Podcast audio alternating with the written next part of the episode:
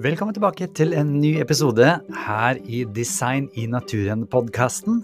Jeg heter Chris Duve, og jeg vil bare minne deg på at du kan ta hele kurset her helt gratis med 38 forskjellige eh, informasjonsvideoer som da er lagd en podkast ut av, hvis du går inn på chrisduve.no og klikker deg inn på Design i naturen-kurset.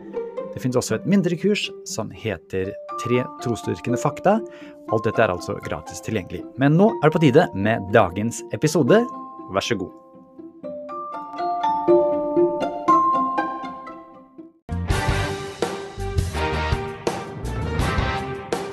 Yeah, thank you, Dr. Günther Bechley, for joining us again. Thank you. I appreciate that you're taking time um, to be with us. And we are talking about uh, fossils still in the fossil record. And in the first lesson, we looked at uh, how the textbooks describe the changes to be gradual. And then we looked at what the fossils actually say. And the gradualism somehow uh, is trumped by sudden bursts that are coming explosions and we're going to hear some more about those explosions not blowing up things but uh, all of a sudden many animals appearing in a short window of time. But before that i would love to just read a quote um, from the national uh, academic press because uh, they don't um, you know agree entirely and I, I think it's interesting just to see how, how it looks here. They're defining evolution as in the broadest sense to explain what happened uh, uh, to see what existed in the past. Galaxies stars the solar system earth having changed through time and life on earth. And biological evolution changes are changes in the living things that occurred during the history of life on earth. And then comes something that i'd love to just uh, throw out there because here they're saying is evolution a fact or a theory and um, first of all, they say theory doesn't mean just a guess. You know, it's a pretty strong thing, more more than it's testable hypothesis. But then they define the word fact as something that can be observed. And scientists can also use a fact to mean something that has been tested or observed many times until there's no longer a compelling reason to keep testing or looking for examples. And the occurrence of evolution, in the sense, is a fact. Scientists no longer question whether descent with modification occurred because the evidence supporting the idea is so strong. Uh, I'm not sure whether they mean fossil evidence because uh, you are showing us a different picture. Yeah, uh, uh, of, of, course, this is a little bit a, a, a, fallacy of equivocation because they use evolution in different meanings. So, on the one hand, they have this meaning of change over time or even common ancestry with modification. And there uh, they are right. Uh, we can, can observe, let's say, at least this change over time. And uh, in the fossil record, we can observe some processes on the microevolutionary level, even on, in the lab. And uh, so they then make this jump, and that was a very early critique also of Darwin to say, well, if we can observe microevolution in the lab, then we can extrapolate this and can, can multiply a lot of microevolution, gives macroevolution and explains these big transitions that we observe in the fossil record. But that is actually not supported by the data. We don't have fossil data that uh, suggest any kind of slow, gradual, uh, stepwise process of natural selection and, and random mutation. Uh, so I would say uh, it's it's a combination of half truth uh, truths with uh, misleading use of the the word evolution. In the beginning, they define it and they say how Earth has changed through time and life on Earth. So they're defining yes, macroevolution, yes. you know.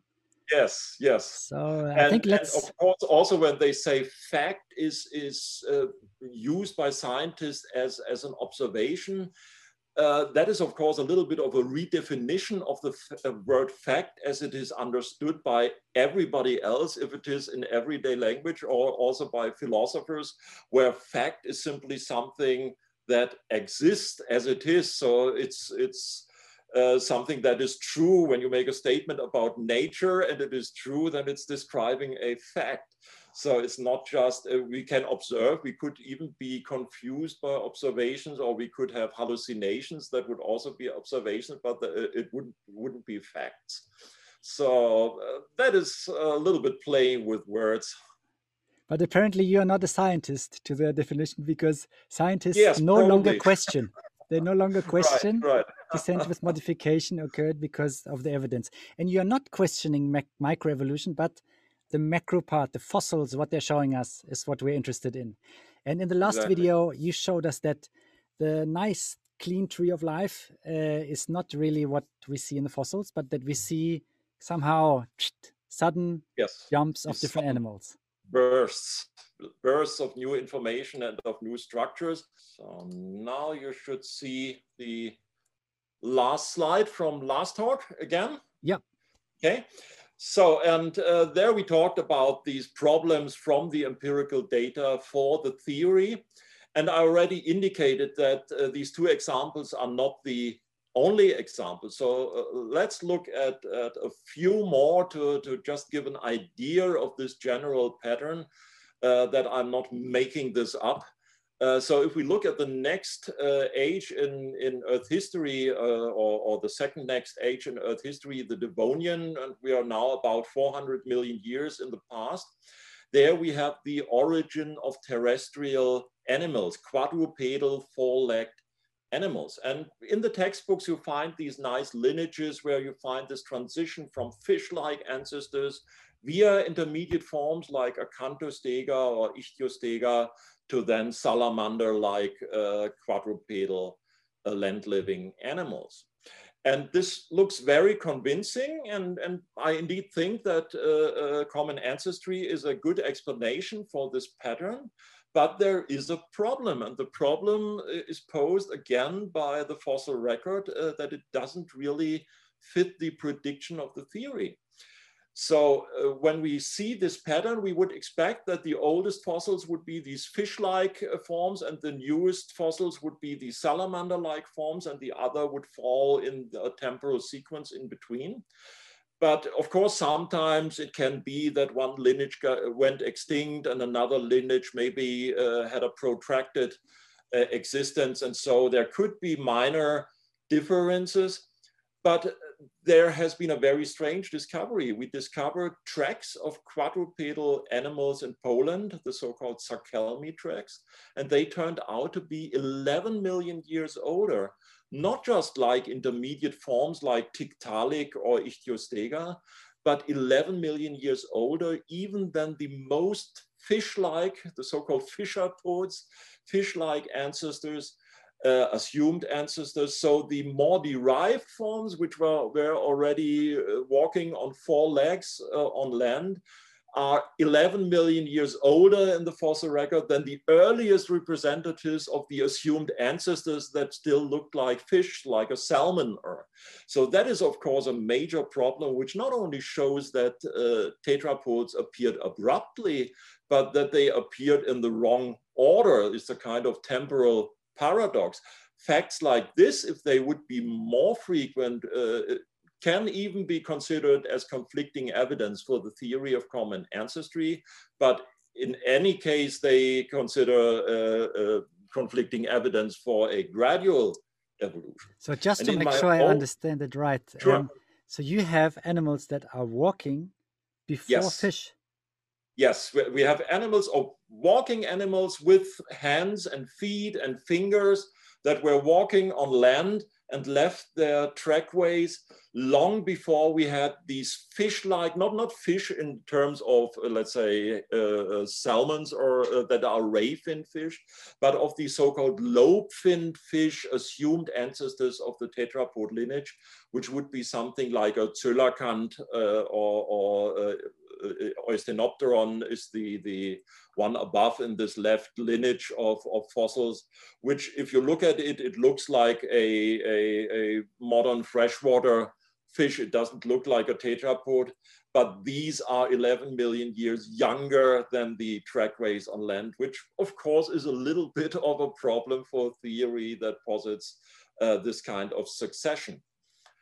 So uh, this is one striking example. Another striking example is in the uh, insect fossil record. And that's my own uh, field of expertise. I'm a fossil insect guy.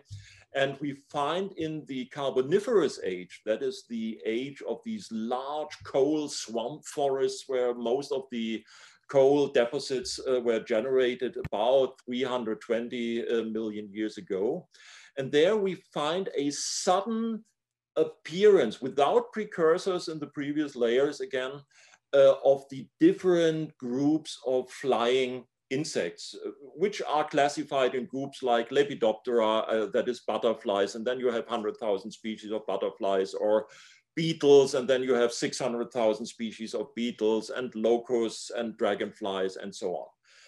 And uh, the interesting thing there is. Wait a minute. So beetles are already there in the beginning. Yes, yeah. And, that is the very striking thing because a Darwinist would predict that if we find this sudden appearance of, of winged insects at all, because usually uh, uh Darwinists would predict that we find a gradual building up of this body plan. How did wings originate, the articulation of the wings, the venation of the wings from gliders to active flyers and so on. There is nothing like that. We, the oldest flying insects that we have in the fossil record are already perfectly developed wings with articulation, with wing venation and so on, two giant pairs of wings. And, but the more surprising fact is that we find organisms like beetles or uh, wasps and these belong to a group of insects which have a very strange mode of uh, individual development, of ontogenetic development. Most insects of the more primitive kind develop uh, from a larva that is hatching from the egg, and then with each molting, with each shedding of the skin, the larva grows and gets gradually more similar to the adult insects. But then you have a group of insects to which belong beetles and wasps and butterflies, which are the so-called holometabola uh, insects, which have this metamorphosis, where you have first a larva, which looks totally different to the adult, like a caterpillar. And then you have a resting stage where the body is totally dissolved into a kind of soup and then rearranged to the very differently looking adult insects. So from this pupal stage, from the pupa, this resting stage, then hatches not another caterpillar, but the butterfly or the beetle. And it's already crazy to imagine how a mode like this could have originated, where you have a stage where everything is dissolved into a kind of soup. How could this happen by stepwise uh, uh, tiny changes process?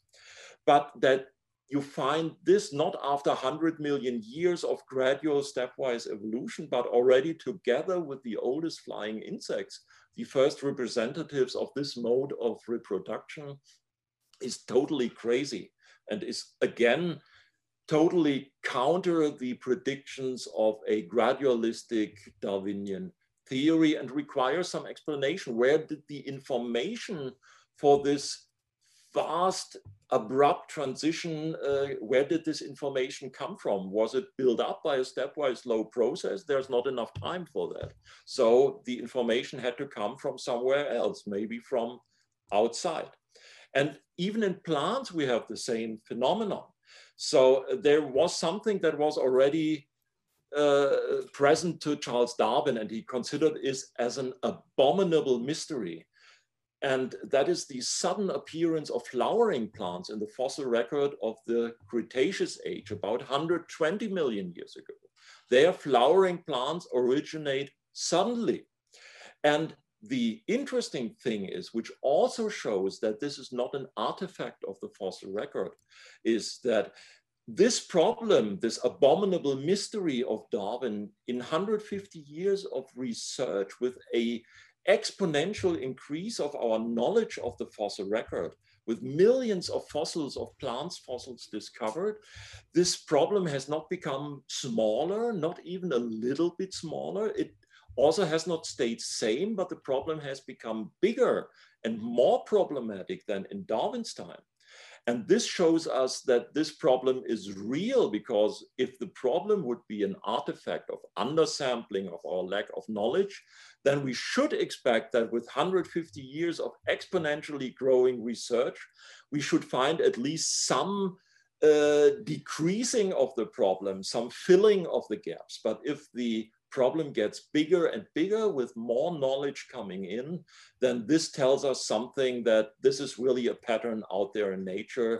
These gaps, these mysteries really exist and are not uh, artifacts of our insufficient knowledge of the fossil record. Can I show you something just from another Norwegian textbook that I just found here? Yes, sure, sure. So um, this is actually, uh, yeah, showing and, and a little bit of a different story because uh, it seems to me, at least in this picture, you have a common ancestor.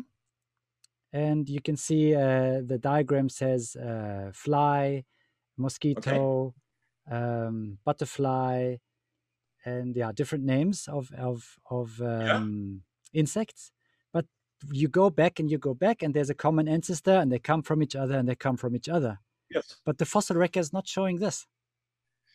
Not really, because if we would plot the fossils on, on these branches, what is also striking, and that is also very striking in the insect fossil record, but it's generally in all groups, is that the fossils always fall on the terminal branches of the tree, but you never or only very rarely find fossils that you could assign to the nodes or to these internal branches where you have these connection lines between the, the groups, which you should, if with this large amount of fossils, you should expect to find these uh, forms in the fossil record, but they are absent. And, and that is also something that conflicts the predictions of the theory. And uh, it, it is a totally different question if this general pattern of this branching tree is still true, because we have, of course, also other data for, uh, than the fossil record. So we have comparative morphology and biogeography and genetics and so on. And I think if we take all the data together, then it's still most elegantly explained by, by this theory that there are, is indeed such a tree of life but if we look at the fossil record, then we see that these changes between these different groups came about so quickly that they cannot be explained with microevolution accumulating over long periods of time. But there has to be something else. And this can be either something like creation or intelligent design, or you would have to come up with a totally different naturalistic process that could explain these sudden bursts of new information. And there is no other theory than Darwin's theory. It's not for nothing that Richard Dawkins said only Darwin made it possible to be an intellectually fulfilled atheist, or that Daniel Dennett, the famous atheist philosopher, said it's Darwin's dangerous idea, which like a universal acid eats all these superstitious ideas away. Uh, humanity in 2000 years of Western philosophy and science never came up with a different idea. How could we build up complex specified information from the bottom by a, a, process of accumulation of small changes. So if this fails, then I think it's game over for naturalism and we require something like intelligent design.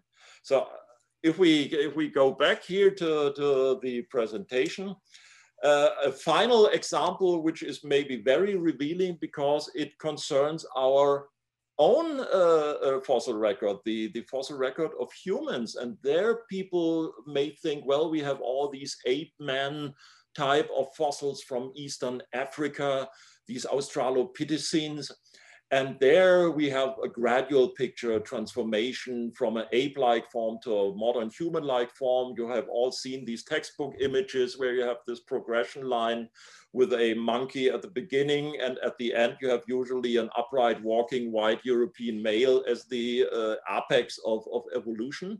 But actually that is not how the fossil record of humans looks like. First, there's a total chaos in terms of classification and reconstructing the relationships of these different fossil forms. There's no consensus uh, because the characters are so conflicting, but also the transition between the ape-like forms, the Australopithecines, and the, our own genus Homo uh, is not gradual, but again, sudden. And that is not what I say. It's what one of the most well-reputed specialists on the human fossil record, which is a paleoanthropologist called John Hawks, found in a study in 2000 where he compared this fossil record and said the changes between Australopithecines and our own genus were sudden and not gradual. And this study has even been called the Big Bang theory of human evolution. So even in our own case, we find not a gradual pattern, but a saltational pattern of change. And uh, I had already indicated uh, before that there is a more general problem for Darwin's theory posed by two different fields that are usually considered to be the best proof of Darwin's theory. One is the fossil record, because the fossil record shows these intermediate forms like Archaeopteryx, for example, these transitional fossils, and it shows change over time and deep time, millions of years, so macroevolution. And on the other hand, we have these experimental data from microevolutionary studies of population genetics. That is, for example, if we study in the lab uh, populations of bacteria developing drug resistance in the petri dish. And then the theory is we just multiply a lot of microevolution multiplied with millions of years explains macroevolution. But the problem is if we take both fields really together and we accept all the mainstream science and we look at what time frames are established by the fossil record for major transitions, say, for example, in whales, for the transition from a pig-like ancestor like Pakicetus to the first already dolphin-like marine whales like Dorudon or Basilosaurus. That's only about four, four and a half million years, which is just the lifespan of a single larger vertebrate species to give an estimate how much time do you have available yeah did, you mentioned in the first lesson it was five million years. Was it not the time for the two birds to be yeah well, yeah it, it, basically when you look at modern vertebrates uh, species that are separated for this amount of time maybe birds are distinguished. The one has a little bit lighter stripe uh, above the eye uh, uh or, or has a little bit uh, longer beak, or but they are hardly distinguishable for laymen. They are classified in the same genus as sister species. So no big differences. And that is what we have available in terms of time from a pig-like animal to a dolphin-like animal. And it's not just that this sounds incredible, it's also you can do the math and you can use the second field, population genetics, which gives you a complete mathematical apparatus to do the calculations. Is there sufficient time for the required genetic changes to account for these re engineerings of the body plan for these mutations to arise in a population, you have to get the mutations first. And then also these mutations have to spread in the populations to become a character of the whole species. And for these calculations, you can just run the numbers with the standard formula of, of population genetics. That's a study that we are currently doing. And what we consistently find is that the available windows of time in terms of the fossil record are orders of magnitude too short to account for the genetic changes. And orders of magnitude means at least 10 times too short, but often 100 or 1,000 times too short. Uh, if so you want to get from a pig to a whale, I think you yeah that's you crazy. need maybe five a thousand changes at least. Yes. So that's 1,000 yes. times 5 million years. So that's 5 billion years. But, but it's worse. We did the calculation just for two or three coordinated changes that have come together to, let's say, generate a new complex structure. And even there, we arrive at times 10 times longer. But of course, you need hundreds or thousands of changes to account for this. But even the most generous estimates uh, result in totally prohibitive waiting times. Therefore, it's called the waiting time problem. And this is recognized by mainstream evolutionists who then try to explain this and say, well, but we have thousands of possible uh, genes where these mutations occur uh, and say, well, that's a kind of lottery fallacy because you pre-specify which genes have to arise and then say, well, it's unlikely that they arise in this time frame. But the problem is that not any mutation will do if you are an aquatic animal and you have this kind of niche uh, it's not useful for you to have any kind of mutation. You need certain mutation to either adapt to this niche or you go extinct. So uh, this idea that anything goes is, is complete nonsense because you have this kind of fitness landscape where you have peaks where the animals are and they cannot go down, let's say, some fitness peak and have maladaptive functions uh, mutations that are first negative, but in the future they might, might turn out to be positive for a different kind of adaptation. That's not possible with the Darwinian process that requires foresight that I say I take the cost now to have a disadvantage to have some advantage later. But the Darwinian process always needs some advantage now to have selection to kick in and select for this advantage. So it's impossible to have uh, these kind of transformations in these available timeframes. It's mathematically refuted. And another thing that is maybe interesting for people who have heard this claim that there is no uh, debate among specialists. Evolution is a fact, as you has, have cited before. There is no discussion, and everybody who doubts this is a crazy creationist and either dumb or ignorant or, or malevolent. Uh, uh, I think Richard Dawkins put it uh, this way. But actually, this is not true. If you look at this consensus of evolutionists, that 99% of evolutionists agree that Darwin, Darwinism is true, is because 99% of biologists never think about these issues. They have learned this at school and at university, and they apply it in their narrow field of research.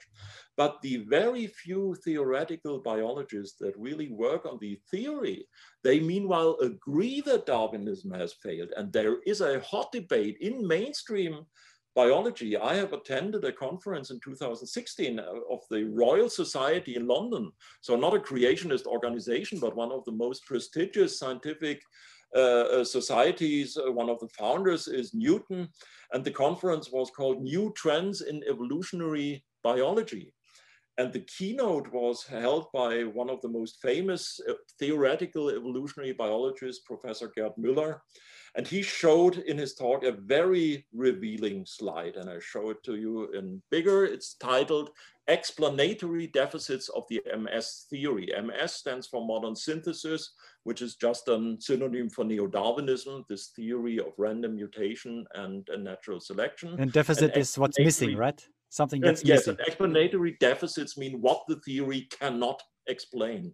And among the five points, what the theory cannot explain, he lists phenotypic complexity, complex organs like the eye or the bacterial flagellum or whatever, phenotypic novelty, new structures that arise, and non-gradual forms of transitions, what I have shown before, these discontinuities in the fossil record if the theory cannot explain these things, new complex structures that arise in a non-gradual way, then the theory has failed as a theory of macro evolution.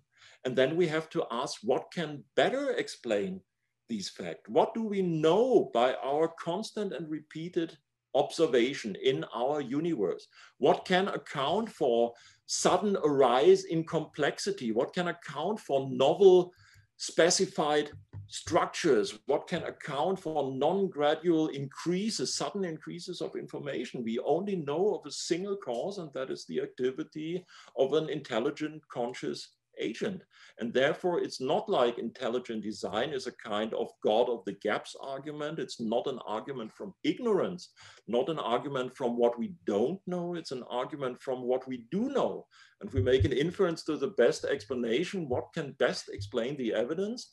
The evidence cannot be explained adequately by, by Darwinism, but it can be perfectly explained by the only cause we know that could generate this cause, the, this effect. And therefore, I'm very much convinced that intelligent design is the best explanation for the overall evidence, either with or without common ancestry. So it could be guided evolution with common ancestry, where the changes are brought about infusion of information from outside of the system, or it could be special creation over millions of years, uh, this kind of progressive creation. This depends on the evidence. I'm rather in favor of this uh, uh, combination of common ancestry with intelligent design. But there we can, as you said, simply follow the evidence wherever it leads without having a bias in terms of worldview. So this uh, slide is striking because um, when I uh, compare it to uh, what we looked at in the beginning of uh, the first lesson, right? Uh, you know, it's very different.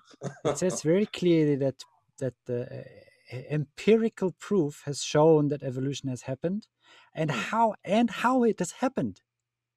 Yes. That's what they're, yeah, they're actually saying here. And it genomsyrer, it saturates. Not, not, not even recognized by, by mainstream theoretical biologists as true. So that's misleading.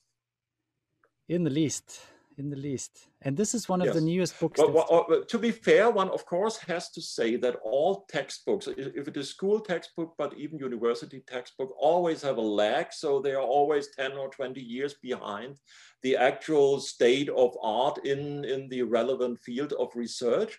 But of course, in this case, it's not just that they are lagging because this takes time to incorporate these new uh, things into the textbooks until the author has time to revise his, his manuscript and so on. But there are, of course, worldview issues playing a role why uh, some, some new developments are not communicated to, to pupils or students. And I think the worldview we will do in our third session.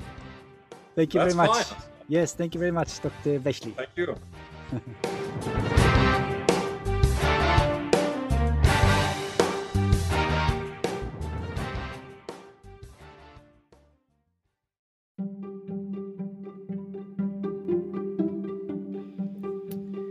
Igjen, dersom du ønsker å få tilgang til de hjelpearkene eller oppgavearkene, så er det jo fullt mulig for deg å signe opp til kurset. Da går det an å laste det ned. Hvis du går inn på chrisduve.no, så ser du all informasjonen der.